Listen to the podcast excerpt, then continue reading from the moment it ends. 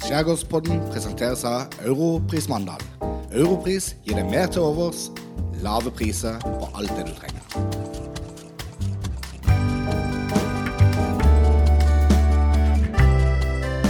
Skjærgårdspodden med Thomsen og Loland.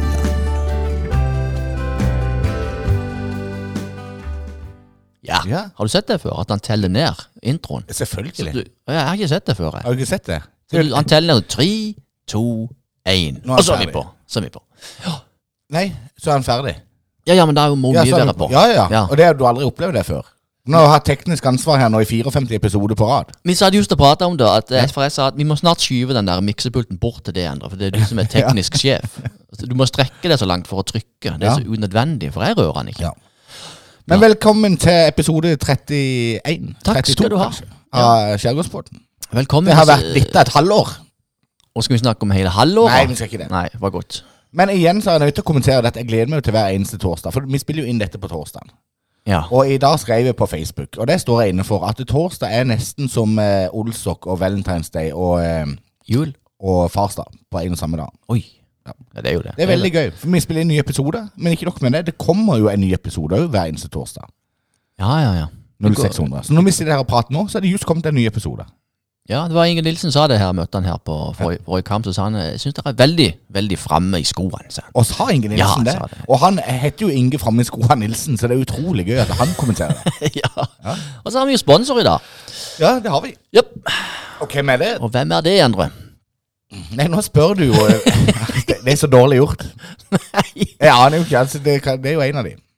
Europrice. Og det er europris. Ja, Ja. Mer til overs. Mer til overs. Ja. Ja, for vi slang de inn på Åse Michaelsen eh, sin eh, skjærgårdsprat. Det var lurt. Fordi at eh, Ja. Ja, det tror jeg var lurt. For det henger sammen med Frp og Ja. litt sånn. Det er bra, det. Så det var gøy.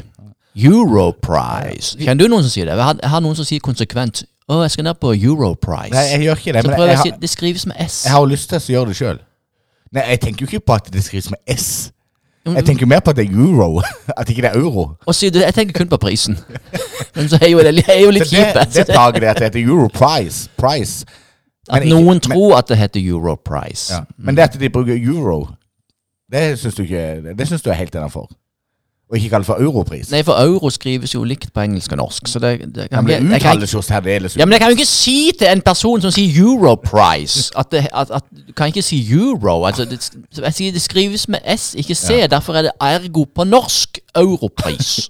Jo, men det er jo samme som Texaco. Mener du at du kan ikke irettesette folk som sier Texaco? Eller kakao? Det heter jo ikke det. Nei, akkurat. Men det jo- staves jo, heter det staves jo det samme som kakao og Texaco. Hva er Texaco? Det fins ikke lenger. Jeg skjønner ikke hva du snakker om. Nei, du gir det. Det er noe Hydro det heter Ja, i dag. men, men kakao, da. Kakao. Men hva har du, hva har du gjort den siste uka? Det er samme som du som sier at tennis ikke er en idrett. det var jo egentlig bare for å provosere litt. Ja, det var det, ja. Jeg mener at det er mer en sånn eh, Hva det jeg skrev på meldinga til deg? Er mer sånn lek. Du eh, anser ikke tennis som en idrett. Det er mer som en lek. Skråstrek aktivitet. Ja. Når den Kasper Ruud spiller finale i en eller annen sånn eh, US US Open. Det er bra. Så, Du, men du, det var veldig gøy. Jeg så bildet i VG der, og så sto det liksom Se her, eh, så står det så, eh, Nå har jeg ikke sett mange filmer, det var sikkert en fra en, sånn, en regissør fra en film. Så hadde de tatt bilde av tre personer som sitter på tribunen. Og så liksom Se til og med denne mannen her er her. Og et navn som jeg aldri før har hørt. Men rett ved siden av den mannen, så sitter jo Jerry Seinfeld. Men det sto det ingenting om i bildeteksten. Å nei, ja, jeg så han var der. For det var jo det første jeg så. Bare herregud, Jerry Seinfeld. Men nei, det, han fotografen var jo ikke opptatt av han. Men han der eh, Det var to ting som gikk igjen i den finalen. Det var John Bon Jovi og Jerry Seinfeld. Ja, jeg hørte Bon Jovi fikk låtene sine spilt eh, i pausene, så filmer de dem hver gang. Ja, Skikkelig, Hver gang de filma han sånn nærbilde, så ble han sånn skikkelig ukomfortabel. Ja. Det var gøy å se. Ja. Gufs, gufs. Men en, en ting til jeg må bare slenge inn. Ja. Eh, for det at når vi sitter her og drodler, så snakker vi litt om sponsoren, og det syns jeg er viktig. Eh, men da har du jo en, annen- en, en sånn Rema 1000 Skinsnes kom ikke inn helt i podden her. Ja. Men de kom jo inn i tannlegeserien. Tannlegeserien om Endre Thomsen gjør ting han ikke kan. Ja. Som jeg skrev det nærmeste du kommer en triologi, altså Ringenes herre, i lokalt her i Mandal.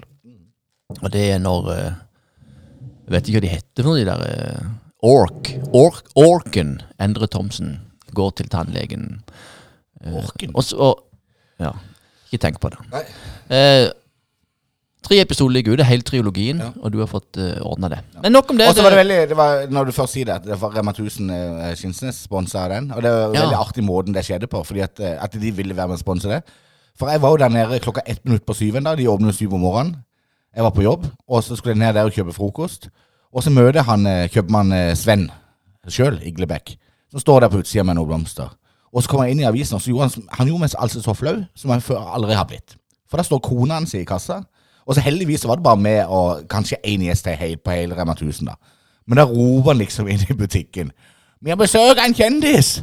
En kjendis! Og det, vet du hva, jeg får frysninger bare av å si det høyt. Det var helt forferdelig. Eksponeringsterapi. Ja, ja, så jeg hadde bare lyst til å løpe rett ut eh, fra der. Men heldigvis så gjorde jeg ikke det. For da sa han vet du jeg er veldig veldig fan av den Skjærgårdspodden. Og han er jo ikke fra Mandal engang, fra Kristiansand. Ja, stemmer. Han storkoser seg med den Skjærgårdspodden. Og dette har vi veldig lyst til å være med på. Kan vi det, liksom? Og så var det jo bare smukk smakk i løpet av ti minutter, så var det ordna en avtale. Så presenterte de hele tannlegeserien. Vi skal snakke litt om en av de ansatte òg der, eh, etter historien. Men vi tar det nå. Ja, det skal vi. Det blir gøy. Har du notert deg det? For det, det, det har jeg glemt. Men det var bra at du kom på. Ja, ja. Ja. Jeg er på.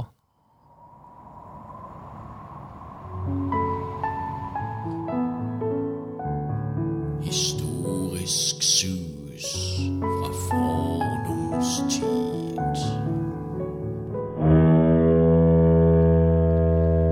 Ja, du vet jo, Loland, at jeg er jo veldig glad i å linke historie opp til en aktuell ting. sant? For, eh, altså, sant, eh, historien og nutiden og fremtiden, det henger jo på et vis sammen. Ja, og det, på den tanken. ja, og så gjentar det seg på en litt sånn moderne Ja, det gjør det. Og det er akkurat det det gjør. Fordi at uh, i dag skal vi snakke litt grann om gatenavn. Fordi uh, at det har jo de siste årene vært en veldig sånn en uh, fanesak for mange. Ikke bare feminister, men eh, eh, andre òg. Man kan jo gjerne kalle Alf Erik Andersen for en feminist, men han sto fram i avisen her for et halvt års tid siden og sa at det er for dumt at ikke det fins noe kvinnelige gatenavn i Mandal. Nå er det på tide, liksom, at vi får det. Ja. Og så ser jeg litt i historien, hva historien sier om disse gatenavnene i Mandal. Så er det kanskje ikke så rart at denne diskusjonen kommer. For Mandal er helt unik i sitt slag her på Sørlandet når det gjelder gatenavn. For i 1812 så var Mandal det eneste stedet på hele Sørlandet som ikke hadde gatenavn. I det hele tatt? Nei. Det fantes ikke gatenavn i Mandal i 1812. Eneste stedet på Sørlandet. Og så var det jo flere som liksom ymta fram på at det må det ha. Nei, de vil, vil ikke ha det. Orka ikke det. Orka ikke forholde seg til det. Så det må være et helsike å være drosjesjåfør i 1812. Så de skal være glad for at bilen ikke kom før 1920. Kan du kjøre meg til Det hvite huset der oppe på andre sida? Ja, for det var nøyaktig det, Loland. Alt, alle navnene var på folkemunne. ja. Eh, og de, de kalte det blant annet Hovedgata. Og da kan man jo tenke seg lett Hva er Hovedgata i Mandal? Jo da, Store Elvegata. Den lengste gata gjennom Mandal. Den gikk jo gjennom gamlebyen på en måte. Eh, fra Sanden og så helt ned til Øvrebyen. Og det var Hovedgata. Og så hadde man Ferjegata. Og det var jo fram til den tida der, på Malmö, det som nå er blitt Brogata. For det var der man tok ferje over til sentrum. Det var ferjeforbindelse mellom Malmö og byen ja. i den tida. Så det er nokså interessant å tenke på at eh, Mandal var veldig standhaftig på det. I Kleven så eh, holdt de på enda lenger. Altså, på, rundt 1817 så begynte de å få noen nye navn eh, på gatene. Eh, Ytre Sandgate, for eksempel. Østre Sandgate. Eh, Østre Sandgate var vel altså det som Adolf Tidmanns gate eh, heter nå i dag. Men den òg på folkemunnen ble jo kalt for Veggata. Jeg husker jo når jeg drev sjøboden, var det ingen som sa eh, Adolf Tidmanns gate. Man sa Veggada. Veggada? Veggada. Og vet du hvorfor? Er det Noe med vegg eller ved? Ved. Det er noe med ved. At det var, var der de s- s- hogga ved? Eh, det er feil. Det var der eh, drivveden kom inn. Ikke sant? Fordi at elva, elvas løp gikk jo helt opp til eh, Adolf Tidmanns gate, eller Veggada. Så kom drivveden sant, seilende inn med sjøen der. Ah, Og så la han seg opp etter den gata. Så derfor ble det kalt for Veggata. så plukka de ved? Så plukka de ved. Ja, det vet jeg ikke. Men det lå iallfall masse ved der. Masse drivved. Mye mikroved. Ja. Nei, så jeg syns det er litt sånn interessant å tenke på. I Kleven så gadd de ikke ha noe navn. Så da heter det bare eh, blant annet Gata i Kleven. Ja, fan fantasifullt. Ja. Og, og det er jo for så vidt greit nok, for det er ikke så mange gater i Kleven. Så der skjønner jo de fleste at det er jo ok, men det er jo den gata. Ja, Så Det er jo bare ei gate der. den er jo grei. Men nå har de fått faktisk noen flere navn etter hvert. Eh, og det var liksom, bare for å nevne noen eh, av disse her eh, navnene som var eh, på folkemunne, så var det jo eh, eh, Skinnermoen, det kjenner vi jo. Hauan kjenner vi jo. Så mange av disse stedsnavnene rundt forbi Mandal, de bruker vi jo fremdeles. Støkkan, Sanden. Så var det ikke noe mer spesifisert enn det. Og etter hvert så fikk jo husene husnummer, og da måtte jo tilknytte seg gate. Så lagde de forskjellige navn på disse gatene. Men de greide jo å holde de relativt lokale, spør du meg, da. Og Der ser jeg jo for meg at eh, når de skulle endelig sette opp navn på disse gatene, så satte de nok ned en komité, og det var nok bare gamle gubbe som vanlig. Ja, Og så var jo Mandal en eh, fiskerby, og det er det jo på mange måter fremdeles. Men den tida så var det jo det. Så, eh, og så var det jo ikke mange biler på veiene. Så de gadd ikke også bruke for mye energi på disse gatenavnene. Men det de brukte mye energi på, vet du hva det var? Nei, Allmenningene. Vet du Ja. hva allmenning er? Det er sånn en plass alle kan bruke. En plass alle kan bruke, og helst i forbindelse med å eh, i, I Mandal sin eh, Når man snakker om Mandal, da, så var det jo også å plassere båten sin. Ja. Eh, og da, det brukte man mange, mye tid på på begynnelsen av 1800-tallet. Å definere allmenningene. De hadde egne navn, alle allmenningene, og det er mange av de rundt forbi Mandal. Og den som vet aller best om det, det er jo Nils Reidar Christensen, selvfølgelig. Han er jo leder av allmenningkomiteen, og han holder til og med foredrag om de forskjellige allmenningene i Mandal. Eh, og han har en egen allmenning som ligger midt i elva, som han kaller for Min allmenning. Og det er jo det som paradoksalt, for dette, det går ikke an å gjøre det. For det er ikke din, det er alle sin. Men det er jo det som er Nils Reidar sitt poeng. Det er ikke bare én person sin. Sant? Det er vår, det, det er folket sin båtplass. Og det finnes faktisk en del av de. Men dessverre så blir jo mange av disse sånn delvis privatiserte. For folk har kjøpt eiendom og boliger, og så blir jo disse allmenningene nærmest liggende i haven til folk. Og da vegrer jo folk seg selvfølgelig for å parkere båten sin der. Men det fins kart over de forskjellige allmenningene, og bare i Mandal så er det en hel haug av disse allmenningene vi egentlig kan bruke. Og det oppfordrer egentlig folk til å sette seg litt inn i, for det er jo å ta vare på kulturhistorien eh, vår. Men var det fiskere som sto i front her, da? For det, det, Jeg tror ikke det var så mange privatbåter den gangen, men at det var veldig mye fiskebåter. Det var nok eh, eh, mange fiskebåter, men det må du huske, vet du, det var utrolig mange eh, private fiskere. Ja, det er det jeg tenker på. Ja. at Det var jo en, det var jo en matkilde, dette. Det var en matkilde. Så, eh, så folk fiska jo til eget bruk. Eh, så det var jo mange båter som ikke altså man trengte, Det var ikke tilknyttet en eller annen stor sånn, jobb. Men veldig mange drev jo for seg sjøl med å fiske til seg og sin familie og sin nærmeste omkrets. Ja, Så De hadde kanskje en, ikke en stor fiskebåt, men en robåt Ja. eller ja, Og da kunne de legge seg til på disse offentlige allmenningene. Og det er utrolig interessant. Nå sporer vi litt av fra disse gatenavnene, men det var det, der skoen trykka på begynnelsen av 1800-tallet. Det var å ivareta disse allmenningene. Og jeg er jo veldig glad for at eh, jeg tror Knut Lindseth også sitter i allmenningkomiteen. At de nå har lagd et kart over de forskjellige allmenningene. Og så er det ikke om å gjøre at man skal liksom komme inn på tunet til folk og liksom her skal jeg være for dette er en allmenning. Men det er viktig for kulturhistorien at den blir holdt i hevd, og at folk ikke føler seg liksom sånn For nå er det jo sånn det med å gå gjennom havene til folk på hyttene, for folk bygger jo svære haver. Du har ikke lov til å bygge hytte, men de bygger jo svære haver foran hytta si, som gjør at det ser helt privat ut. Men den allmennsretten den gjelder jo fremdeles. Så det at man kan ferdes i disse områdene, det er jo veldig viktig. Tenk hvis ikke vi kunne gjort det på Risøvang, for eksempel. Fordi at det var et privat område. Det hadde vært veldig trist.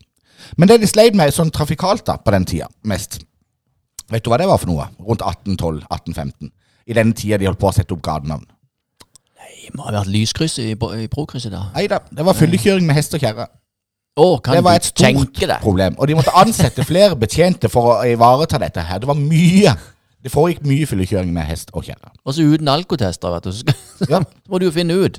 Akkurat. Er han full, eller han var veldig trøyt? Ja. Så måtte de puste og blåse. Det var akkurat det. Og gatenavnene, da? Hva med de? Kommer vi tilbake igjen til det? Eh, Nei, nå- nå- Komiteen og som satte seg ned og begynte å si nå skal den hete det, og den hete det. Og. Eh, nei, eh, nå har jeg eh, Ja, det kan vi godt komme tilbake til i en annen episode. Tenkte du at vi skulle komme tilbake til det nå? i en annen episode. Ja. ja. Nei, nå, nå er vi liksom ferdig med. Nå har jeg bare liksom satt eh, Poenget mitt var at eh, jeg tror det henger sammen. At ikke vi klarer å få hosta fram et eh, damegadenavn med at Mandal brukte mange år på å i det hele tatt finne gadenavn. Ja, I ja, 1812 så bare sa vi vi trenger ikke ha gatenavn. Fordi vi bare snakker med hverandre. Alle vet jo hvor eh, det hvite huset til Jens er. hen. Det var det de gjorde på IME3. De, de, de følte at nå skal vi ta tak i det. For der er jo Marias vei og Annas vei og Kanskje var det. hele sulamitten. Det er jo ikke noe historie bak det, men det er bare et damenavn. Ja. Men det blir for tynt. Ja. Vi har jo mange historiske eh, Ja. kvinner som har gjort sitt inntog både her og der, som kan få sitt gatenavn. Og I likhet med Kleven så var òg Malmö veldig seint ute. De orka ikke forholde seg til gatenavn før eh, langt ut på 1840-tallet. Og, eh, og jeg tror det faktisk gikk helt fram til 1850 før de fikk gatenavn. Og da var det nokså stor bebyggelse på Malmö. Men da fikk de syv gatenavn. Har du lyst til å høre hva de heter? Ja. Lille Elvegade, Store Elvegade, Tverrgata, Brogata, Møllgata, Klevegata og Sandan. Så det er nokså lokale navn ja. som de greide å hoste fram. Men da ble de iallfall definert, de forskjellige. Ja, applaus til de. Ja.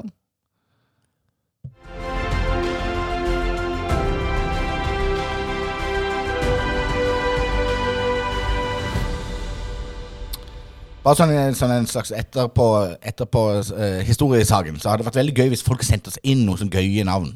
Eh, og da snakker vi ikke bare om Mandal, men hele skjærgården. De er der gøye stedsnavnene og, eh, og gatenavnene. Ja, ja. Hvis det er noen sånne litt gøye noen som vi gjerne kan henge oss litt opp i. Og enda gøyere hvis vi på en dag når vi skal ut på en sånn skjærgårdsvandring, vi kan besøke disse gatene. Sånn som for eksempel Runkeholmen. Ja, ikke minst Runkeholmen. Den eh, Det er jo veldig artig navn. Og veldig Er det noe som heter det? Ja, ja, ja. ja. ja, bare, er, det, liksom, er det noe sånn guttegjengen dere har kommet på? nei, det står Det er jo det samme som at jeg kalte Nei, disse her nei, jeg eh, sier det ikke sånn og, og hyler ut sånn og piss. Det er jo det samme som at jeg kalte de der eh, kanelsnurrene for kinesisk rødhål hele min oppvekst. Fordi at min mormor sa at det het det. Ja, ja, ja. Nei, men det står, det på, det står på kartet. Og gjør det det? Ja, ja. Det står ikke Runkeholmen. Jo, Hvor da henne? det, hvor det er en liten øy, en liten holme, da. Mellom, eh, mellom, eh, Det mellom land og hylle. Det må bare Er det sant? Gå inn og søk. Mellom land og hille? Ja, jeg vet ikke nøyaktig. Men Det er mange år siden. Jeg, så. jeg bare kom på det nå når du sa sånne rare navn. Dette skal jeg garantert finne ut av, det er helt sikkert. Det skal du, tenker jeg. Ja, Jeg gleder meg til det. Ja. Men, eh, men det var jo en eh, sagnomsust historie. Det er godt at vi kan backe hverandre her. Det var bra til å være en kjedelig spalte, var ikke det du sa? Ja. det var en bra, kjedelig hjertesak. Ja. Men eh, vi skulle komme tilbake igjen til en ansatt med, med Rema 1000 Ja, ja. som er Linda Hansen. ja. Som nesten ble kåra til Norges hyggeligste uh, Kassevert. Er det det det heter? Kassemedarbeider. Å ja. Det, det stemmer det. Hun kom helt opp i toppen der, og så vant hun ikke. Men jeg tror hun var godt fornøyd med det. Jeg tror hun måtte reise av sted òg, for hun sa det var noe av det flaueste hun hadde vært med på i sitt liv. Men kanskje det var fordi hun ble så eksponert, for alle kommer inn og sier hei. Og så Ja. forplikter du litt. Ja, Du kan jo ikke være sur ennå. Du skal være Norges blideste kassemedarbeider, som det liksom den tittelen heter. ja, ja. Så var jo vi inne og handla der eh, forleden, og da skjønte vi jo Det er jo det samme som at du skulle stille opp i Norges mest positive mann, og så skulle alle vite om det. Det hadde jo, det hadde jo, nesten, det hadde jo ikke gått. Ikke sant? Så skal du gå rundt og være, bare være positiv? Det er veldig tungt. Ja. Selv om man gjerne ønsker det. Nei, så Vi var jo inne og handla der, eh, og det var jo da vi fant ut hvorfor ikke hun nådde helt opp til førsteplass. For Vi ble jo nokså trakassert når vi kom inn der, følte jeg. Med en gang. For, ja, for hun sa der kommer pumpel og Pilt. Mm. Metoo. Metoo, ja. Det var det jeg sa til henne. At dette var jo litt metoo. Altså når du kommer inn her og så nevner pilt. Eh, det er jo ikke ryddig. Ja. Men utenom det, det fikk vi jo rydda opp i. Så det ble jo ikke, noe, det ble ikke noe skandalesak ut av det, selv om det fort kunne blitt det. Eh, utover det så var det jo veldig hyggelig og trivelig. ja, og så nå skal vi ta litt eh, rollespill. Nå skal du være Linda Hansen. Ja. Fordi at vi kommer til kassa, og så sier hun at eh, ja, det er et eller annet eh, Ja, vi, vi snakker om det der eh, først Pompel og Pilt, og så eh, at hun eh, var med i Norges blideste. Og Ja. nådde ikke helt opp, men eh, nesten opp, og så var det nok med det, liksom. Og så sier jeg ja, vi, så sier du ja, nei, vi, vi syns jo det er artig å handle her, for, for dere Rema Kinsnes er jo blitt sponsor til Skjærgårdspodden. Eller til Skjærgården kultursenter. Å, eh, er vi det, ja? Ja, ja, ja. Så eh, dere har jo vært Det er dere som sponser eh, Nå endrer vi hos tannlegen. Og vi har lagd en dokumentar om tannlegeskrekk. Den ligger på, på YouTube. Det må du inn og, det må du inn og se. Hæ? Ja, ja men jeg er ikke på YouTube. Det var det hun sa. Ikke på YouTube.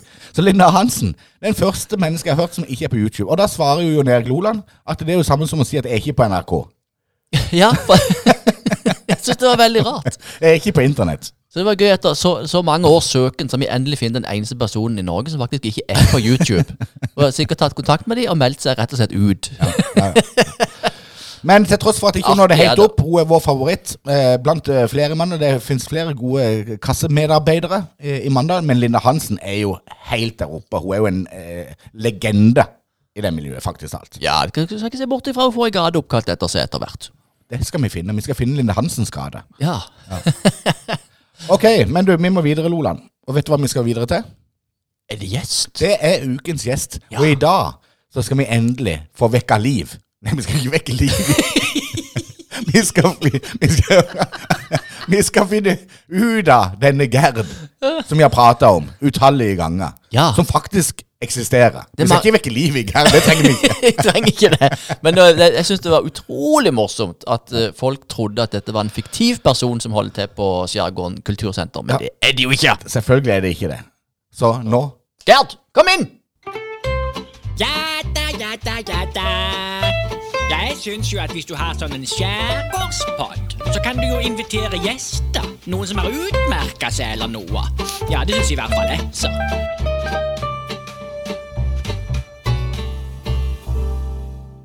Se det. Da er gjesten ankommet. Ja, dette blir jo gøy. For dette, endelig. ja, for dette er jo en myte. Gjesten er jo en myte. Og da, da, nå skal vi liksom få det fram i dagen. Ja. At denne personen fins. Vi har jo ropt det noen ganger på henne. Ja, vi har det. Ja. Uh, Skal vi introdusere henne? vi må bare introdusere. Ja. Husker du alle tre navnene? Ukens gjest er Gerd. Marie Jacobsen.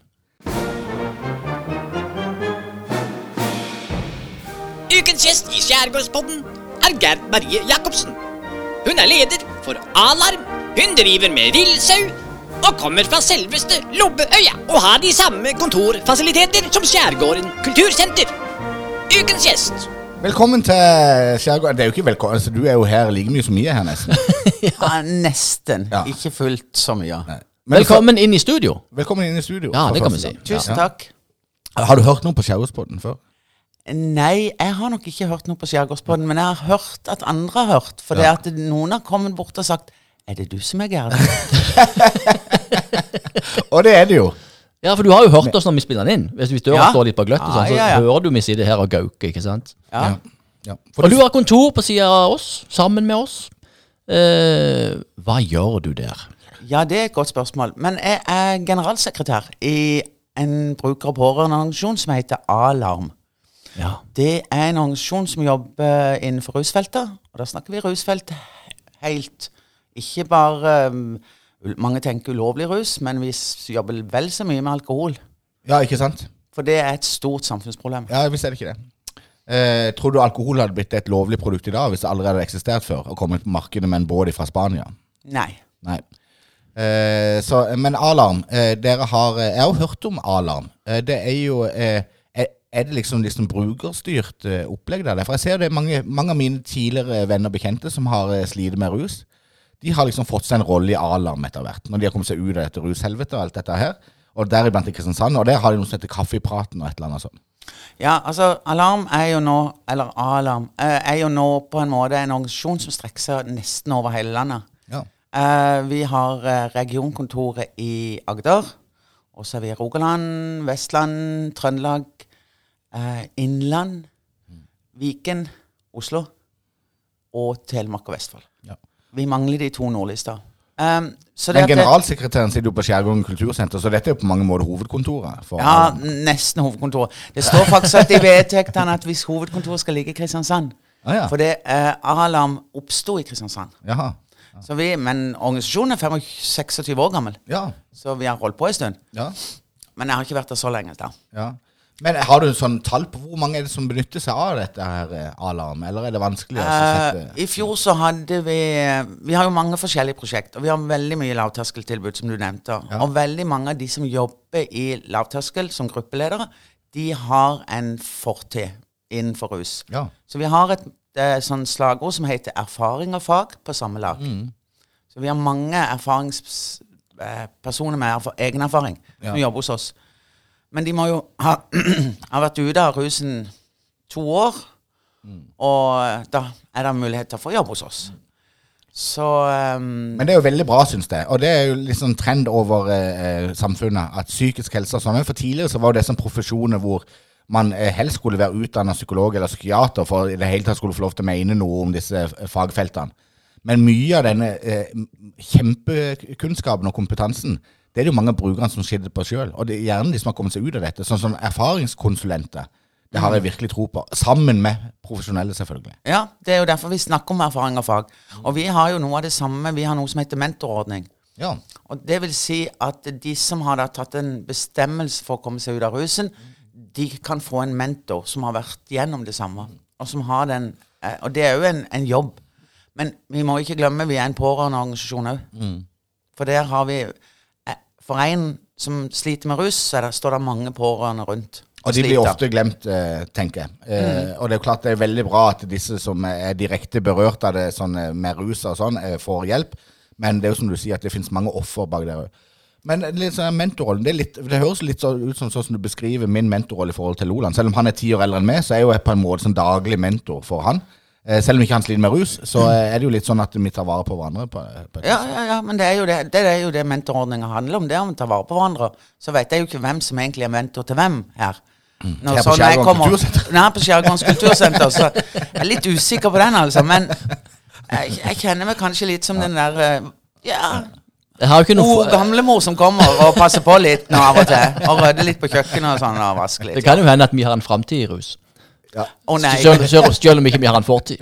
For det at, da kan det jo være at jeg blir en pårørende, og det Ja, det, jeg da blir du pårørende. I tillegg til å være generalsekretær, så skal du være pårørende. og Det orker du ikke. Nei, ikke til dere to, Nei, iallfall. nei, nei. Nei. Men du er jo en lobber. Bare for å ta det videre. En lobbe eh, kommer fra Lobbøya. Ja, altså Stjernøya. Ja. Heter det Stjernøya, eller heter det Skjernøya? Å, godt spørsmål. Og hvis det skrives jo SKJ, Stjernøya, men Mm. Nei, det kan ikke vi si. Vi må Stjernøy, Ja. mens vi sier Stjernøya. Med T. Med T. Eh, her, her kommer garantert, nå tar det ikke mange minutter, så kommer Steffen Dyrstad med en eller annen nokså lang betraktning om akkurat det. Ja, for Det jeg, gjør han. jeg skulle være så urlokal. For jeg hadde jo Jan Lengervik og dette lokale Ja. greiene. Og da var jeg sånn konsekvent Skjernøy.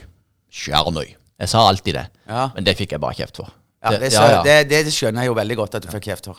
ja. Men skjønner du at jeg sa det i og med at det står Skjernøy på skiltet? Ja, og det er mange som stiller akkurat dette spørsmålet, så det må jeg stort sett mm, veldig mange ganger få ha en lang forklaring på. Men det, kan jeg, det har vi jo ikke tid til nå. Oss- Mm. Nei, nei, nei. Altså, for oss andre Øya. Øya, selvfølgelig. Lobøya. Vi kommer fra Øya. og 90 sau. Ja, driver, jeg driver med villsau sammen med tre andre. Og det er viktig for kulturlandskapet. Ellers så gror vi igjen. Er det ikke greit med ville sau? Er ikke det de som klarer seg sjøl? De greier seg sjøl, men de skal ha tilsyn. Ja ja, de må Ja ja. Og ja, de det- fikk mat i dag morges. De kom hjem, Ja. sa god dag, god morgen. ja. Så måtte jeg telle det. Er- er de, er de villsøs, er de ute hele året, da? De går ute hele året, men de skal ha tilgang til å komme seg i ly eller eh, kunne gå inn. Men de vil jo aldri inn. Men hvor de, er, det, er det på øya de går rundt, da? Eller er det på, er det på Ryvingen og på rundt forbi? Nei, og det Nei, vi må ikke være på Ryvingen. Nei. Men uh, vi, uh, vi har fire flokker. Så vi fordeler Eller egentlig fem. Jeg har fire flokker som går rundt forbi på øya. Par, en hjemme på Rosnes. Jeg bor jo over Hengebroa, vet du. Ah, på Rosnes, Ja. ja. Mm. Og så har vi ei ute på Sandøy, og så har vi en ute i Vi kaller det Skauen, men det er det ene stedet på Stjernøya der ikke er tre. Ok. Så er, da er vi ute på friområdet. Ja. Og så har vi en ute i Englevika. Ja. Men så har vi en som vi kaller jomfruflokken. Det er lam fra i fjor som skal gå et år før de blir satt ut i flokken. Oh, ja. Men der bomma vi litt. For jeg har en vær hos meg, så vi fikk fire jomfrufødsler. Det var ikke helt meninga. ja hva, hva er jomfrufødsel? At ikke de har De eh, skulle jo egentlig ikke bli bedekka det første året. Men de var lurt seg til væren, vet du. Altså, de har hatt sex? Det Ja. er ikke sånn at de har født uten å ha Nei, hatt de seg? har nok hatt seg. Ja, ok. Ja. Men de later som ikke. De later som ikke de har hatt seg. Ja, Og så får de plutselig barn. ja og så så de fikk de plutselig et lam. Og det skulle de jo ikke ha. Stjerner er jo et religiøst samfunn, men jeg tror ikke de driver med jomfrufødsel i moderne tid. Jeg sier ikke det. Det var jo jomfruflokken som Men ok, da. Ja. Greit. Ja. Men det har det mye da det, nå, vi jo, nå skriver vi jo midten av september. Er ikke dette, er ikke dette sånn eh, tida for fårikål? Nå er det snart tid for levering til slakt. Vi, sl- vi leverer ikke før i oktober. Nei. Så nå skal vi begynne å sanke. Vi begynner første helga i oktober, så nå skal alle lammene inn. Lammen inn og øh, leveres til Jæren, til Fatland. For det er jo for det er lammene helst man skal Men hva med sauene, da? Du, altså Vi må levere noen i år. Eh, no, jeg har noen veldig gamle sauer. Som, men jeg vet du, jeg er litt sånn Ja, men de kan være ett år til. Men nå, nå kan Å ja, for du er litt glad i det? Du Jeg er, er litt glad i dem, vet Ja, ja, du. ja. Sånn er det. De får navn, vet du. Ja. Ja. Så, men eh, nå er det slutt. Nå må de leveres, og de tar vi ikke tilbake. De, jeg tror jo de blir solgt som lammekjøtt på Rema, men jeg er ikke sikker. selv om de er sau? Ja, jeg- hvem vet? Men, Er men, dere det, men, men dette må vel være godt kjøtt? For dette er, hvis det er villsau, de lever jo bare av, av velsigna blomster ute på øya. Du, de le, spiser alt. De spiser egentlig veldig lite gress, men de spiser veldig mye løv og einer og lyng. Ja. Og hvis det kniper, så går de i, ned i, til sjøen og spiser tang. Ja.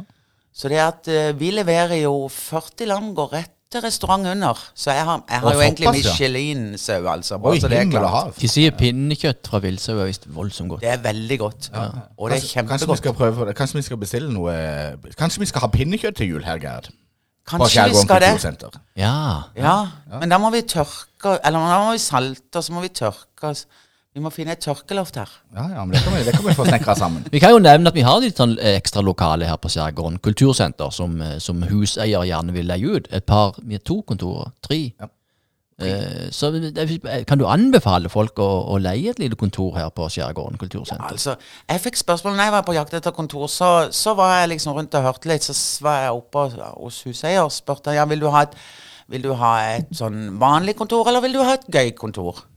Og jeg Og jeg var jo ganske snart så Jeg vil ha et gøy kontor. Og da havna jeg her. Og det, det, det anbefaler alle å ta et gøy kontor. Det er veldig bra. Og da kan du anbefale folk å ta kontakt med eh, Espen Regvig, rett og slett. Som Absolutt. huseier her. Han, eh, eh, det var jo hyggelige ord. Det- det var det jo. mm. lanserte oss som et gøyt kontor. Ja, Det hadde vært veldig kjedelig hvis du hadde sagt at jeg velger det kjedelige kontoret, så havner jeg her. ja nei, da, da, nei, da tror jeg på en måte da, Jeg vet henne kanskje jeg hadde havna, men det vil jeg ikke si. Men, uh, men jeg valgte det gøye kontoret. Da havna jeg her, og det er absolutt kjempegreit. Ja. Det som er slagordet vårt eh, til meg og Endre, det er jo at uh, vårt firma det er ikke lønnsomt, men det er morsomt. Ja, ja. ja men det, det tror jeg er viktig, og det tror jeg er viktig på en måte.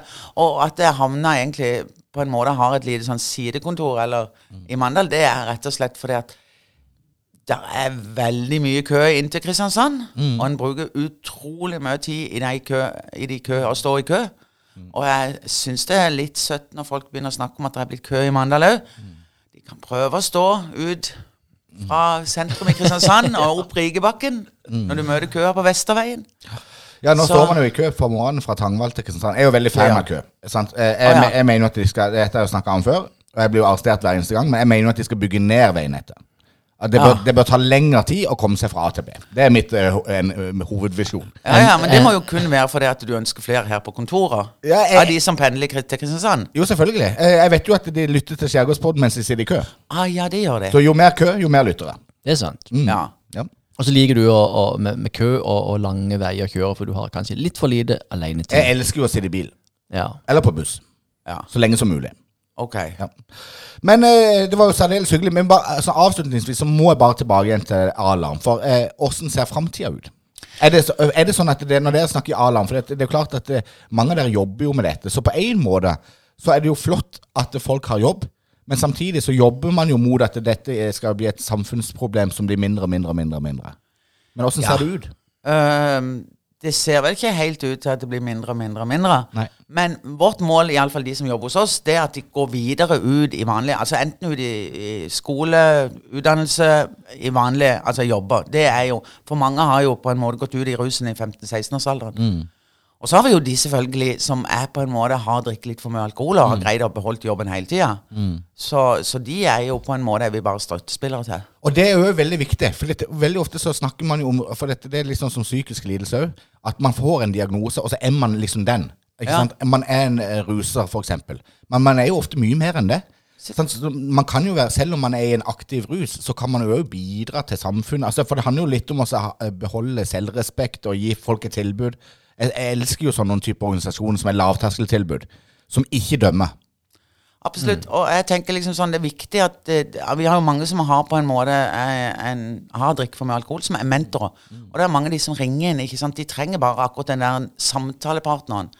Og så må jeg bare si det er viktig at vi har digital uh, pårørendesatsing. Ja.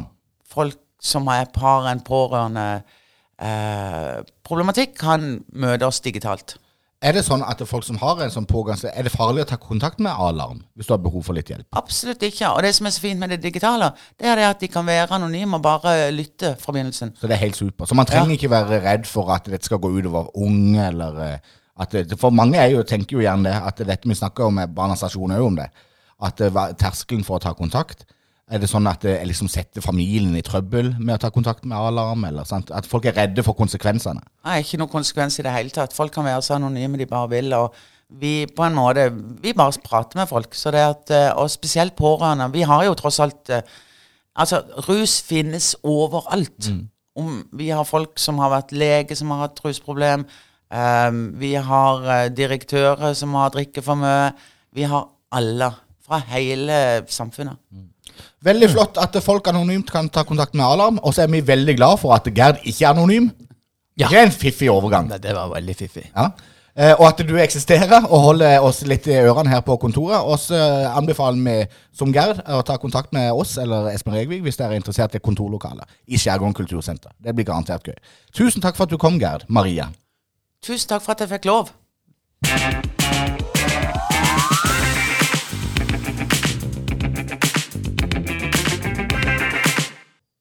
Da får Gerd gå tilbake til sitt virke Ja. på sitt kontor. Det er viktig. Ja. Takk skal du ha, Gerd! Takk skal du ha. Så får vi se om vi får flere medarbeidere i lokalene bort, Ja, det gjennom håper vi jo virkelig. altså. gang- bort gjennom gangen. Ja, det var godt du tok opp det eh, under denne praten med Gerd. Fordi at det, vi har lyst på eh, flere eh, Flere Vi har litt lyst på Ja, litt sånn- hva heter heter for det? Hva heter det? Nei, Det er jo litt sånn hipstergreier. Sånn, vi, har lyst på sånn urbant eh, kontormiljø. Ja, miljø, ja. Et kontormiljø. Hvor vi kan treffes i gangene og prate litt og utveksle. Hva er det dere driver med for tida? Ok, ja. Går det bra for dere? ja. Går det bra for dere? Ja, for oss er det et eventyr. Det har vært det fra dag én. Ja. ja, det må jeg si. Det er mye bløffing i de her kontormiljøene. og så går de inn og så legger de beina på bordet og tar ned der, der eh, Hva heter de? her? Ikke persienne, men sånn navn på de der. Blendingsgardiner? Ja, som som sånn, blendingsgardiner. Og så puster de tungt. og lurer på hvordan de skal få endene til å møtes. De har stått en halv time i kontormiljøet, det urbane kontormiljøet, og skrytt på seg at det, alt dette et eventyr. Ja, ja. Det er mye, det er mye av det. Ringer de til næringshagen. Ja, ja, det er det jeg kan bidra med. Nei, det har vi i grunnen ikke. Ja, så vil han ha svar på det. Næringshavn. Are Østmo. Nei, det skal ikke jeg uttale meg om.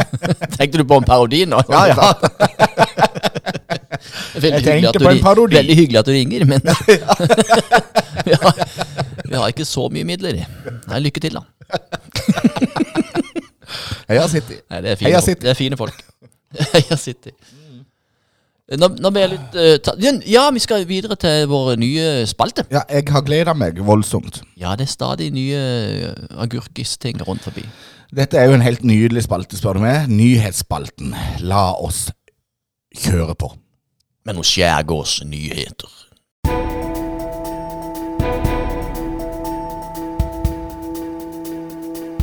Vær så god, Loland. Ja, eh, da begynner jeg. Ja. Eh, For jeg har jo en veldig gøy sag fra eh, Sogndalen Budstikke. Han heter jo ikke det, det er jo noe nytt nå. Ja. N247, er det det? Ja, Sogndalen Budstikke N247 hadde blitt, blir jo veldig fornærma hvis du hele tida skal kalle det for Sogndalen Budstikke, for det er jo fire år siden de la ned. Ja, jeg veit det, men det var bare litt gøy forrige gang, som jeg nevnte. At Ja. eh, jeg bomma skikkelig der. Ja. Men vi har en sag, eh, en høyaktuell sag, hvor uh, Atle Julius Fosse Ok? og Reidun Reidun eh, Ertseid fra Søgne prestegårds gamle Søgne prestegårds venner. Ja. Eh, de had, det sto i saken at de har delt ut en pokal. Ok. Ja. For seier i bedriftsklassen i årets andeløp. jeg tenkte eh, ok. dette må jeg virkelig finne ut av. Så jeg måtte jo sette meg litt inn i dette. For jeg var veldig, jeg var veldig nysgjerrig på dette andeløpet. Hva er det Ja. for noe? Kan vi klare å finne ut hva det er for noe? Og så står det videre at pokalen ble levert på Lonelier i industriområdet. Til, til Åmot bygg. Ok. Ja, ja, ja. Eh, Sammen med et gavekort på 2000 kroner. Ja. Eh, Men tenkte ja, det er greit nok, det, de vant. Uh, og så vi- leser jeg videre at andeløpet det sponses av næringslivet. For som en inntekt til lag og foreninger. Sånn at de kan eksponere seg. Ok. Eh, og, så, og så videre så er det jo Reidun eh, som fikk ansvaret i år for å, å ringe rundt og selge inn endene. Jeg, jeg skjønner ikke. Skal de kjøpe næringslivet ender som skal løpe om kapp? Nei, det, vet jeg ikke, det står jo ikke et ord om hva dette er for noe. Men hun var jo veldig nervøs når hun skulle ringe rundt og selge inn alle endene. Eh, Men det viste seg at det hadde hun ikke trengt å være. For alle var så hyggelige og greie. Ja, ja, ja. Det, så det gikk som en lek. Ja. Eh, tenkte ja, det blir jo spennende å se hva er det egentlig de har kjøpt, og hva, hva går dette ut på. Mm. Videre i saken så står det at Aamodt Bygg ikke ville ha de pengene, for de, det var jo det som var poenget, at de skulle sponse de. Så de, ah, kunne, de, ville, ikke ha, de ville ikke ha gevinsten? de ville ikke ha de 2000 kronene. Det- Altså, hele poenget med, sånn sponsing er at de har jo gitt penger til, til Så det var veldig hyggelig å få pokalen, Ja. eh, som dog er laget i tre, eh, eh, med, som en firkanta kloss og så er and på toppen. Ok. Eh, og det er en vandrepokal Ja. som man skal ha på kontoret sitt i ett år. Synes det var, ve- dette var veldig gøy, men han kunne ikke ha pengene, da. Men hva går andeløpet ut på? Nei, men det er det som er så gøy med hele saken. Det står ikke et ord om Gjør det ikke det. Nei. Så der må du bare tippe sjøl. Ja. Men Anna, den gikk til Åmot Bygg.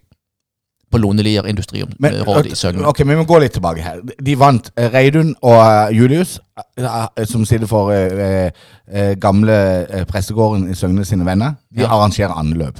Ja, i Elvefestivalen. Det er en del av Elvefestivalen. Ok. Det står ikke noe om hva Elvefestivalen heller var for noe. Men Og så kjø- kan folk kjøpe ender.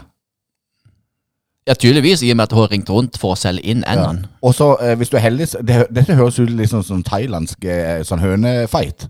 Så kjøper de endene der som de plasserer på elva, så skal de liksom kappsvømme over elva. Ja, jeg ser jo, jeg, jeg trodde jo det. Jeg ville bare få det bekrefta at det var faktisk at de Men det står kjøp- ingenting om hva dette løpet handler om. Det var ingen Nei. bilder fra selve løpet. Men det kan jo, du skal ikke se bort ifra at disse endene føler seg litt misbrukt. Ja. Uh, For det er jo For jeg vet jo ikke om det er private eller om det er frittgående som blir solgt på en måte. Det er jo litt sånn eh, grotesk. Nei, Men du, heldigvis så har vi noen korrespondenter. Og her tenker jeg at eh, vi er nødt til å altså, eh, eh, gjøre en shout-out til Philip Eikås, som er en trofast lytter. Vår venn i Henning Olsen, som bor i Søgne. Kanskje det finnes film der ute? For han bør jo kjenne til dette anløpet. Ja, kanskje de har filma det? Så kan vi få lagt ut. Ja, og vi trenger noen Hva er, hva er det dette går ut på? For dette her må jo dokumenteres på litt, litt stødigere vis enn det N237, eller hva det heter for noe. Har gjort. Ja, for det kan jo hende at N-et ble skrevet i sånn hermetegn. N-er. Ja. Kan si de har kjøpt noe helt annet.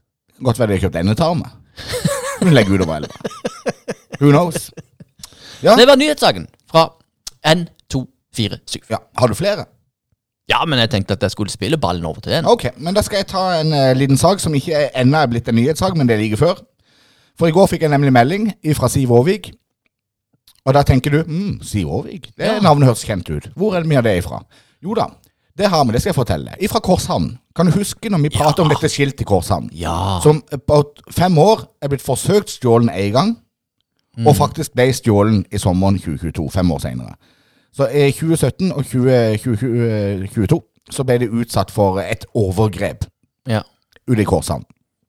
Skiltet forsvant, og vi var ute og dokumenterte det, tok bilder av denne stanga uten skilt. En eh, utrolig rørende sak som gikk viralt i Korshavn. ja. Og i går fikk jeg en melding fra Siv Aavik. Og da skriver Siv nytt skilt er på plass. Vi fikk et nytt skilt, sa de to montørene. Men det blir siste gang, sa de veldig strengt. Oi. Montørene? Montørene av skiltet Oh, ja, det, de, skulle, de var ikke hyppe på å reise ut til Korshamn en gang til for å sette opp et nytt skilt. Nei. Så eh, på en måte så sa de jo på en måte at dette her får dere passe på. Så det som jeg har lyst til å foreslå nå etter hvert Og hun har til og med sendt et bilde òg. Der ser du bildet, Loland. Når de montørene henger opp skiltet. Hun har eh, selvfølgelig rykka Ja. ut når skiltet blir hengt opp. Der står det to montører. Det ser ut som han ene sitter på skuldrene til den andre. De hadde ikke med seg stia. Nei. Og så henger de opp dette skiltet. da. Men det de indikerer, disse montørene, føler det er at no, de må passe på dette skiltet. Så kanskje de skal gå en slags vaktordning. Ja, sånn, sånn som de har i byen. Sånn natteravn. Natteravn, ja. At de kjører det rundt, at de har en sånn vaktordning rundt dette skiltet i Korshavn. Men det så veldig fint ut. De har stavt det helt eh, riktig. Det heter jo Hamn. Mm. Korshamn. Korshamn. Ja. Eh, så det er jo eh, eh, fremdeles ikke blitt en nyhetssak, men det er jo like før Lyngdal Avis eller Lister Avis tar, tar tak i denne, vil jeg tro. Det vil jeg tro. Og Men pumper det utover. Men Skjærgården kultursenter med hjelp av Siv Aarvik var først vi er alltid først. med den nyheten. Deilig. Tilbake til det, Loland. Neste Ja. sak. Jeg vil bare si at de montørene eh, Det høres ut som det er de som måtte betale for det. Siden de sier at det blir siste gang. Ja, det hørtes sånn ut. Og det hørtes ikke ut som de fikk lønn mens de holdt på å sette opp dette skiltet. Eller så kan de ha sagt dette blir siste gang. Eh, for de har satt på en eller annen låsegreier, så det går går ja, ikke an å skru ja. det av igjen. liksom Og dette her blir siste gang, med et glimt i øynene. Ja, Med jinkelsliper så har de tatt vekk alle de rette kantene på mutteren. Kanskje de har satt strøm i det. 20 000 watt som er sånn ja. er det 20 000 watt volt. volt ja. yes, la oss få en sak til. Ja, det er en kort sak fra avisen Agder. Eh, og helt ifra Kvinesdal. Eh, For Avisen Agder, er ikke det borte, er ikke det borte i Grimstad, da? Agderposten er det. Ja, Ja. beklager. Mm. det er Flekkefjord, Kvinesdal Ja. rundt der. For jeg var jo først innom uh, Lister, mitt kjære Lister. Ja. Uh, men det var ikke så mye nyhetssaker der.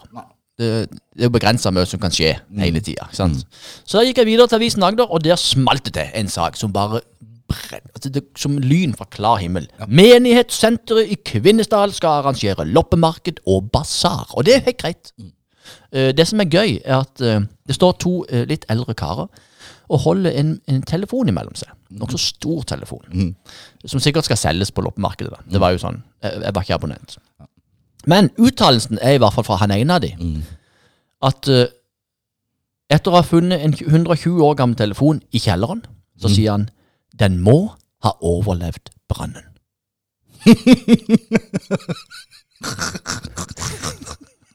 Og det tenkte jeg, ja, det må han jo ha gjort. Så det er jo en fantastisk sak.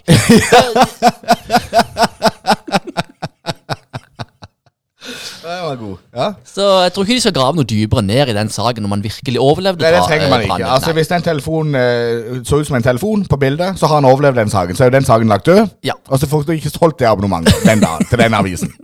til den artikkelen. Så det er greit. Ja, La meg avslutte den nyhetsspalten nå med en herlig sak. Det er en eh, trist, krenkende sak, Oi. men allikevel herlig. Og da skal vi til våre venner i eh, Oppland Arbeiderblad. Ja, vi er glad i deg. Ja, de, er det. De dukker jo opp i nyhetsfeeden vår hele Er ikke det Gjøviksavisen? Det kan godt være det. Oppland Arbeiderblad. Mulig det. Hilde Juel, hvis hun hører på dette, du må gi tilbakemelding. Hun er jo fra Gjøvik. Ja.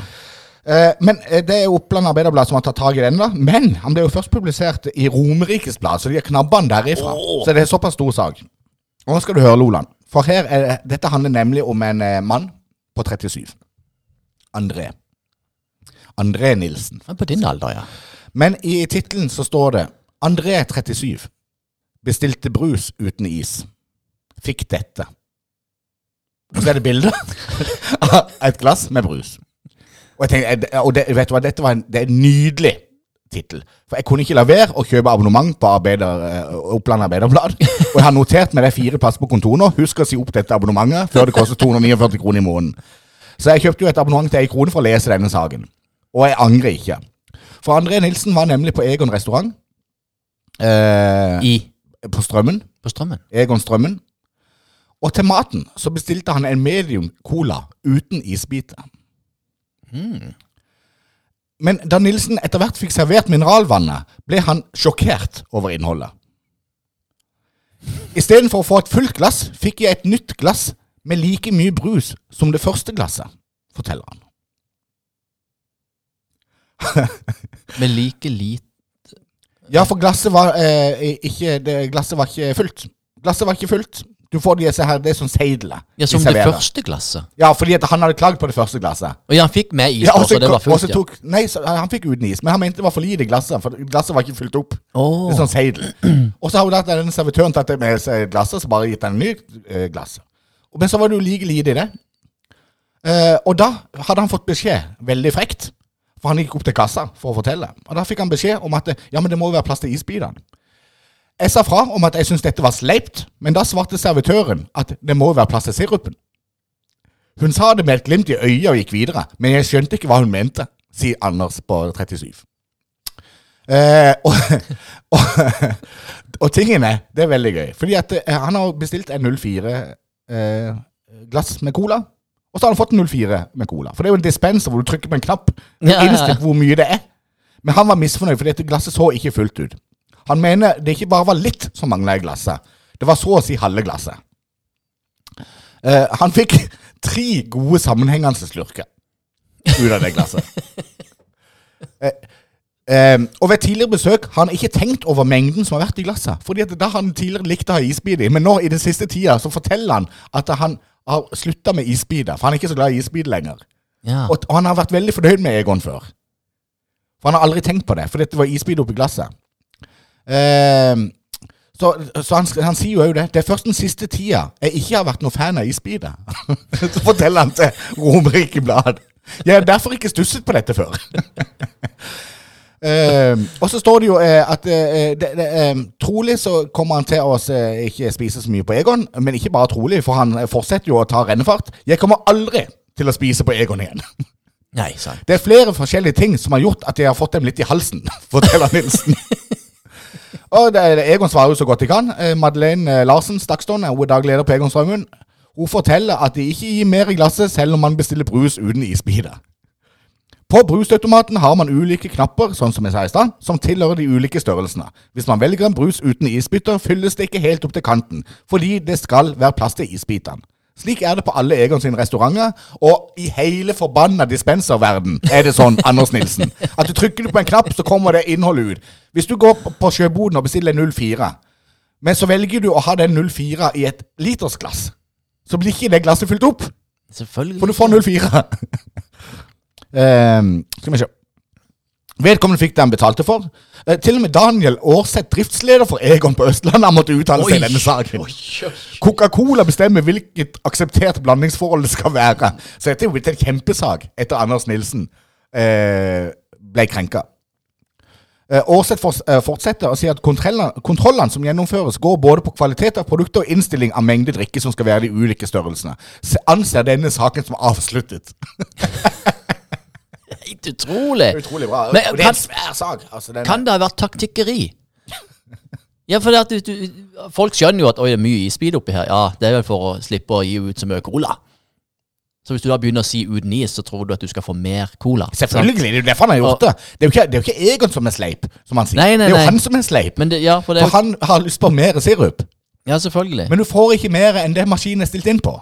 Enkelt og greit. Men kanskje, han kan jo ha vært på sånne restauranter hvor de tar ut sånne halvannenliterflasker eh, plast, i plastflasker, Ja. og så heller de oppi glasset. Men tidligere Sier før du uten is da, så får du jo litt ekstra. ja, men tidligere før så har han vært veldig Ja, på kinarestauranten i Mandal. Ja. Men tidligere før så har han vært veldig fornøyd med blandingsforholdene til Egon. Helt fram til den siste tida hvor ikke han var noen fan av isbit lenger. Ja. Og da gikk det opp for han. Han kommer aldri tilbake til restaurant Egon etterpå det. Da er det bare å prøve neste restaurant og se hva som skjer der. Yes. Fantastiske nyheter fra skjærgården Takk i like måte. Oppland.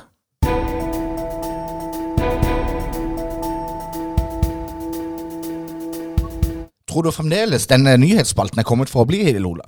Jeg tror det. Det er så morsomt å få ting utenifra. Ja, det er veldig gøy. Jeg syns det er utrolig gøy å uh, høre uh, Nei, også lese seg opp på disse nyhetssakene.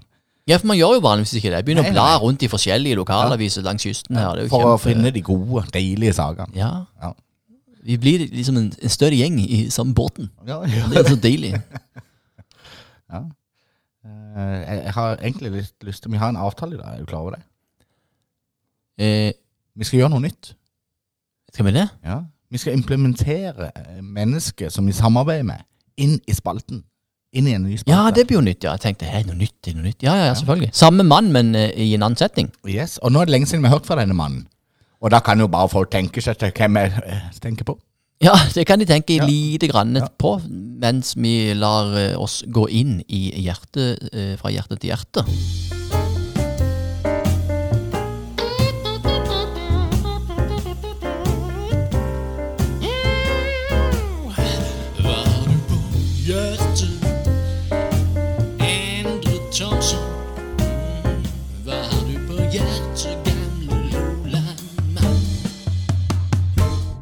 Yeah. Ja, i dag eh, Du synger jo i introen her, eller eh, det synges i introen her, om at hva har du på hjertet, Endre Thomsen? Hva har du på hjertet, gamle Loland-mann? I dag har ikke jeg spesielt mye på hjertet, for jeg har nemlig tenkt å overlate min hjertesak til dr. Lindland. Ah, det er deilig. For nå er det så lenge siden vi har hørt ifra dr. Lindland. Ja, Eh, en trivelig kar. Prater med han i ditt eh, 40-års-kalas. ja, Veldig koselig. Han og hans frue var til stede. Ja, de var det. Ja. Vi drodla litt der på utsida. Det var veldig koselig. Ja. Skal vi ta oss og prøve oss og se om han er tilgjengelig? Ja, han må begynne. Ja, Du Ingen har en om du? Ja, jeg har en liten en. Ja, det er gøy. Det ringer, det ringer Ja, god dagen, doktor. Lindland. God dagen, god dagen. Du, nå er du altså live på Skjærgården, eh, eller Skjærgårdspodden. Du, jeg, jeg ringte deg jo litt i forkant nå for å høre om du hadde tid i det hele tatt i dag. Og da fortalte du meg at du eh, eh, befant deg på toppen av et tak på ei hytte eh, og venta på å få hjelp til å komme ned. Ja, ehm, det kunne vært verre enn det så ut som. Det kunne vært at jeg faktisk var stuck her sånn rent ordentlig fysisk, fordi at det ikke var noe mulig å komme ned. Men det Du er bare mentalt støkt.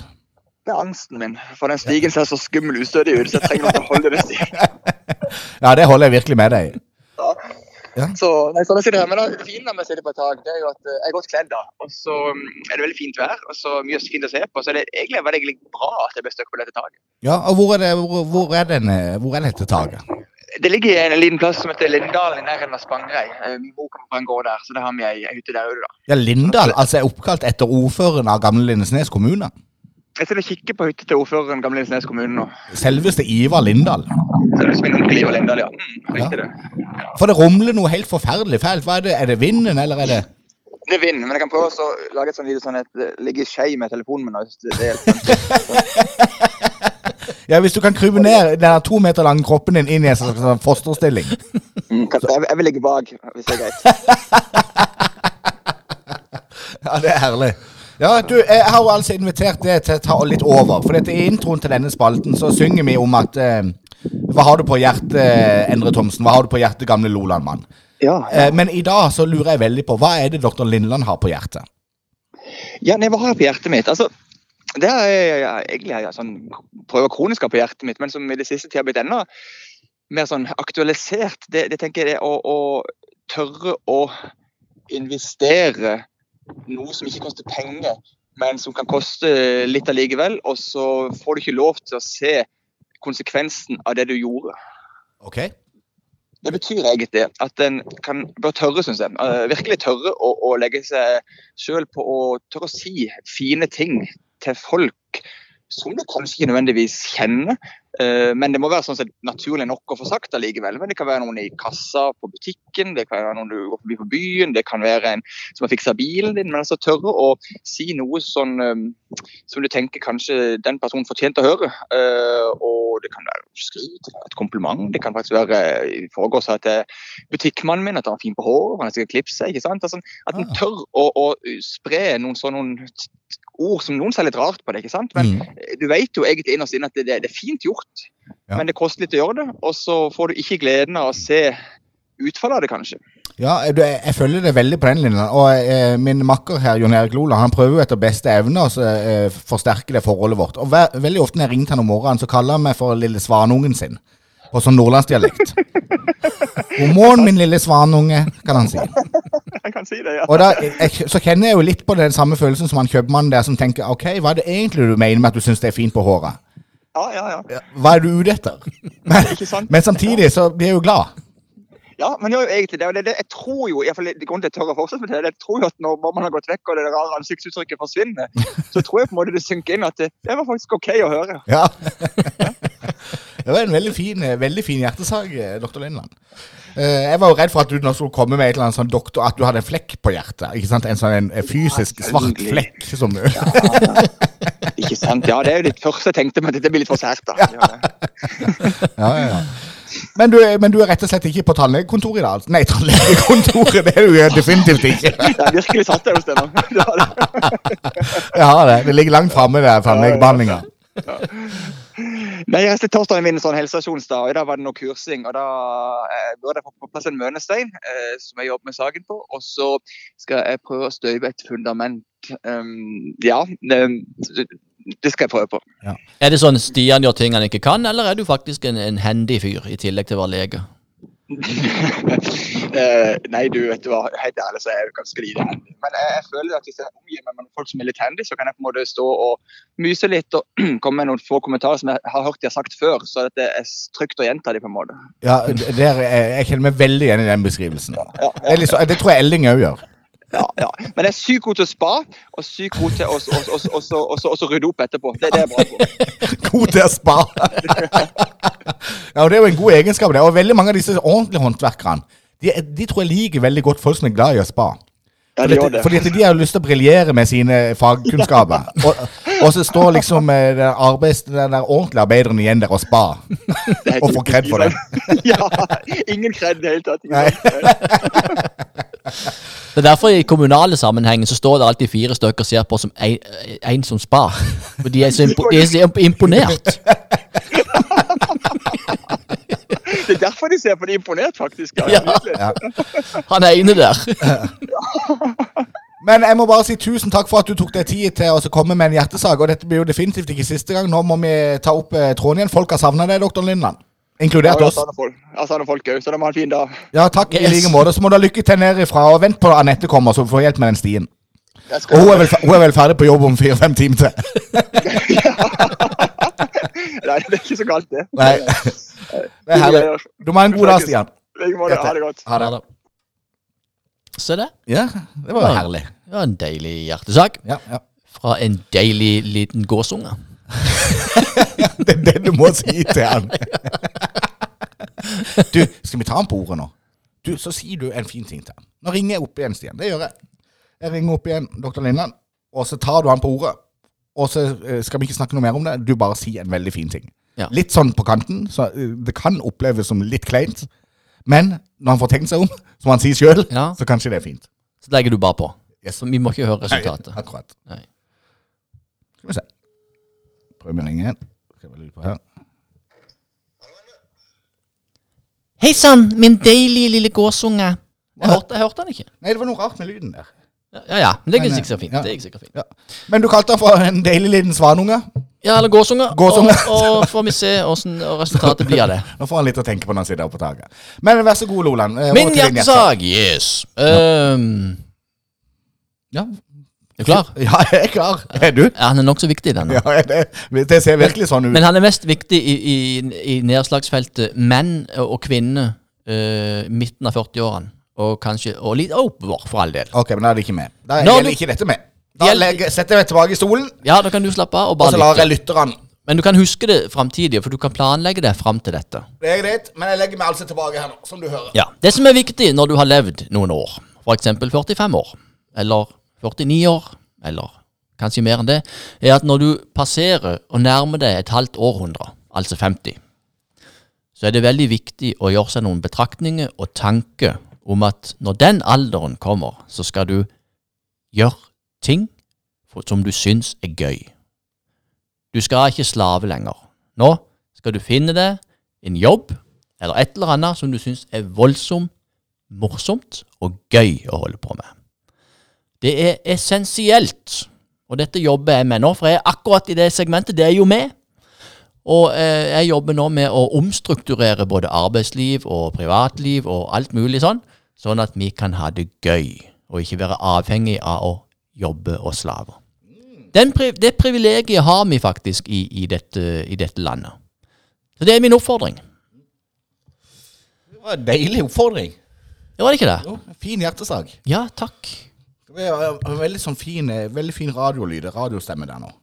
På den fortellinga der. Ja, at det ble sånn, for når jeg bruker armene når jeg prater, så blir Ja, det mye det. mer formell. Det blir mye sant? mer levende. Rolig i praten, kan du si. Ja. Ja, hm. Ja, jeg er Da- veldig glad for at vi avslutta denne spalten med den saken, fordi at den gikk rett til hjertet, som man skal gjøre. ja.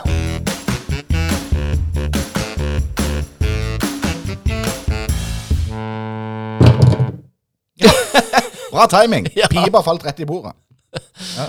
Eh, Den der veiv med armene, som kan det ting. Ja. Jeg skulle akkurat det si det, at mi, altså studio her, den Ja. skjærgårdspodden, han er så lavmæl. Går det an å si det? Lavmæl? Nei, ikke lavmæl, men lavterskel. Ja. For, det at når vi har Avmeldt er jo også å være veldig forsiktig. Ja, for jeg ser disse profesjonelle podcaster. De har sånn eget lite studio med, med lyddempingsvegger. Ja. Og de har dører som lukkes, som er lydtette, og det står ei, ei lampe og blinker. Ja, sending pågår. Sending pågår. Altså Her lukker vi den tynne døra med papp i midten, Ja. og så kjører vi på. Ja. Og så kommer det noen folk av og til, og så tuter bilen på utsida. Men sånn er det. Ja. Skjærgårdspodden, livet selv. det er det. Og her er det ikke mye som skiller livet til Skjærgårdspodden og livet til Gerd Marie Jacobsen, som sitter rett bak denne flisa i dør. Nei. Og sånn skal det nesten være. Sånn burde det være. Ja. Har vi tid i dag, Endre Thomsen, til uh, Sinnaspalte, eller må vi bare la den gå? Nei, vi har faktisk tid. Har vi det? Eh, og jeg tenker, hvis du, eh, hvis du har lyst, så eh, kjører vi på. Uh, hvis ikke, så lar vi være. Men uh, jeg, har, jeg kunne tenkt meg å ta rennefart et par minutter. Ja, jeg òg. Det er innafor.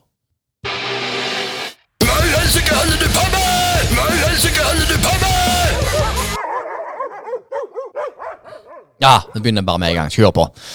Sinna sa jeg i dag? Ja, jeg er litt sinna. Fordi at eh, På et eller annet tidspunkt så, så bytta jeg strøm, strømleverandør. Fordi at det er For å få litt mer oversikt. Så det er Tibber eller hva det er for noe. Og så viser det seg at da får du jo todelt regning. Én fra nettleie og én på strøm, bla, bla, bla. bla. Og så har jeg fått en krone i strømstøtte. Og Det sto i avisen. 5000 uh, kunder hos Los. Eller kunde, strømkunde hadde ikke fått strømstøtte ennå. Og det, jeg var jo en av de, og jeg skjønte jo ikke det. Så jeg betalte jo 6000-7000 kroner i måneden. Jeg var fortvila. Slo av utlysene og sparepærer. Og Ja. Vi gikk jo bare i stum mørke hjemme. Det, det, det går jo ikke, som jeg sier. Og så viser det seg at jeg skulle jo hatt en hel haug av strømstøtte. Så har jeg ikke fått det. Nei. Det er jo bare kaos. Så bytta jeg tilbake igjen til Los. Og strømmen og nettleia fra Los. Og så begynte jeg å jobbe på de sin app, og den fungerer jo ikke. Og nettsida den fungerer jo heller ikke. Så jeg ringte til de og spurte jeg har ikke fått noe strømstøtte. Nei, det stemmer nok det. Du må inn og legge inn kontonummeret ditt her. Ja. Og jeg, gikk jo inn på, på Agder Energinett og la inn kontonummeret mitt, for da kunne jeg få strømstøtte. ikke sant? Og så, så, så sa de bare gå inn der og trykk der og der, så kan du se hvor mye strømstøtte du har. Det funker jo ikke. Hjemmesida til Agder Energinett funker ikke. Hjemmesida til los.no funker ikke. Appen til Los funker ikke. Ingenting funker, og jeg har null oversikt. Og jeg hater å ikke ha oversikt. Ja. Eh, Nå veiver jeg med nevene igjen, for jeg blir så engasjert og kanta den. så nå står saken der at du har ennå ikke mottatt noe strømstøtte. Eh, og du vet ikke om du kommer til å motta. Er det det som er? Er det- penger, ja, de penger til bekymring for både fattige og rike. Nei, ikke ei krone. Nei. Men tror du du får det? Ja. Ja. Men har du bruk for det? Antagelig så har jeg samla opp masse nå. Ja, om, jeg, har- om, ikke jeg, har- sant? om jeg har bruk for dem. Så du, kan, du får en lott? Jeg får en lott på et eller annet tidspunkt som jeg ikke aner. Ja. Ja, det håper jeg virkelig du får, altså. Har du bruk for det? Jeg, jeg følte at Ja, under, er svaret.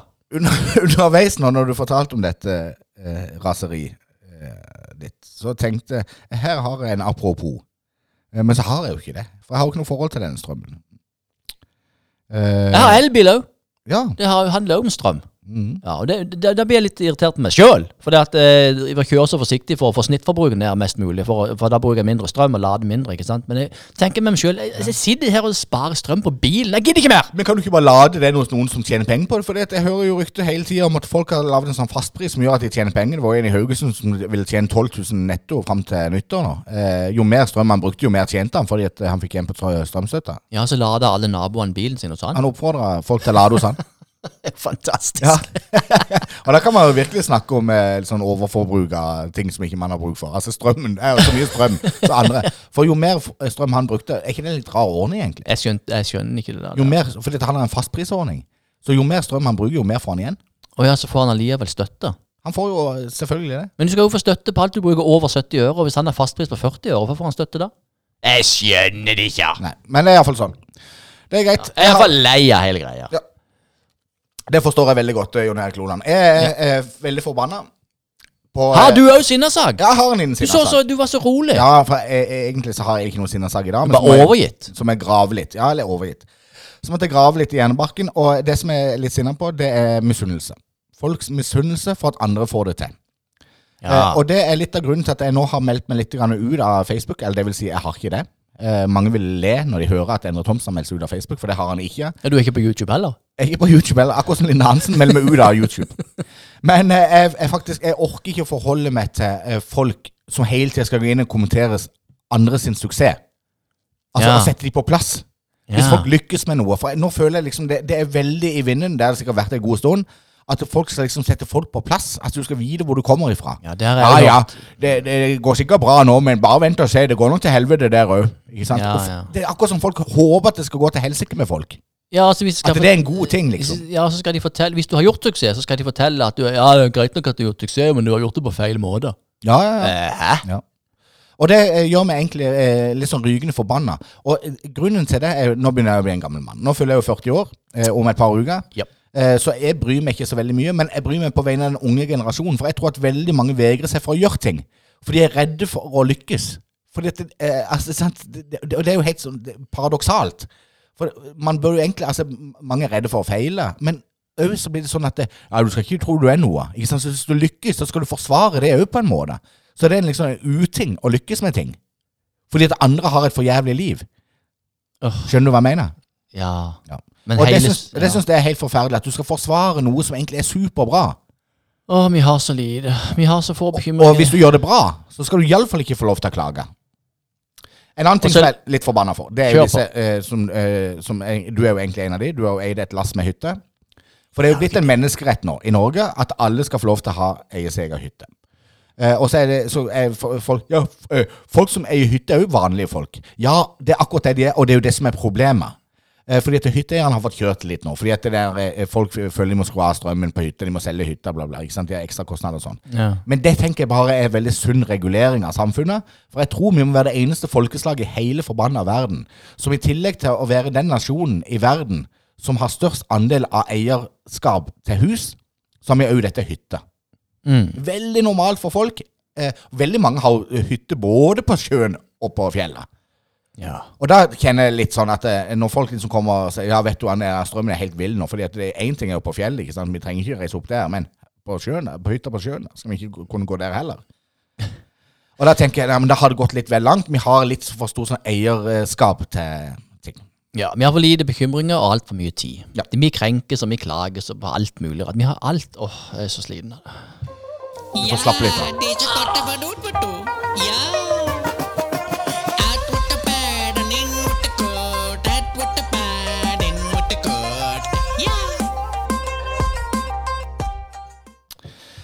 Denne episoden her den kom ut eh, torsdag. yep. 22. september. Det betyr dagen før show. Ja. 100-årsjubileumsshow. Er du klar? Ja, som er deg. Er du klar for å levere Mandal? Eh, Ja, ja. Kommer gjøgleren Loland? Gjøgleren kommer, og historikeren Thomsen kommer, og har stålkontroll. Det, det hadde vært veldig gøy hvis vi skal være litt sånn eh, offensive nå, og så bytter vi rollene fullstendig. Ikke sant? Så blir du historiefortelleren. Og det har du jo prøvd før med stor suksess når du fortalte om historien til Saltverket. Enormt Folk klarer jo nesten ikke å sove etterpå de fikk høre den Nei, det historien. var her. helt vilt. Og så kan jeg være denne eh, gjøgleren. Ja. Det kan vi godt Vi gjøre. gjør ikke det. Nei, Vi gjør ikke det. Vi har funnet vår plass, og jeg er veldig fornøyd med det. Jeg gleder meg veldig til å ha show sammen med deg, Loland. Pompel og pilt utfyller hverandre. Nei, det blir knallgøy. Denne sendinga går mot slutten, og vi har hatt eh, som vanlig veldig, veldig veldig mye gøy. Vi har passert timen, eh, og det er jo ikke noe mål i seg sjøl, men det sier jo bare litt om hvor mye vi har eh, på hjertet, både her og der. Vi Ja. takker Stian Lindland for å delta i Hjertespalten i dag, og så takker vi selvfølgelig Gerd Marie Jacobsen.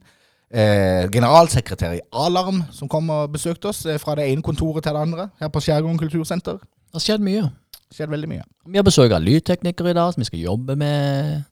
Lars. Erik Humborstad. Det er ikke hvilken som helst eh, lydtekniker. Det er jo nei, nei. selveste Lars Erik Humborstad. Øverste klasse. øverste, ypperste klasse som er vår lydtekniker i Mandal 100 år på 100 minutter. Ja. Thank Tusen you all. takk. Tusen takk for at dere fremdeles lytter til oss. Og gå inn på YouTube og se på Gå inn på filmene våre. YouTuben. Skjærgården kultursenter. Med mindre du har meldt deg ut. Og klikk på abonner. Vennligst gjør det. Vi trenger abonner abonnenter. Ja. Skjærgårdspodden skal nå lyve. Så jo da, ja vel. Ja, det var sånn det ble. For Loland lurer på så mye. Og Endre Thomsen viser vei. Så ja da, jo da, men allikevel. Nei da, så Nei, vi må, vi må labbe hjem nå, for vi skal ete. Neste gang skal vi ha alt på stell. Og vi håper du ønsker å være til stede.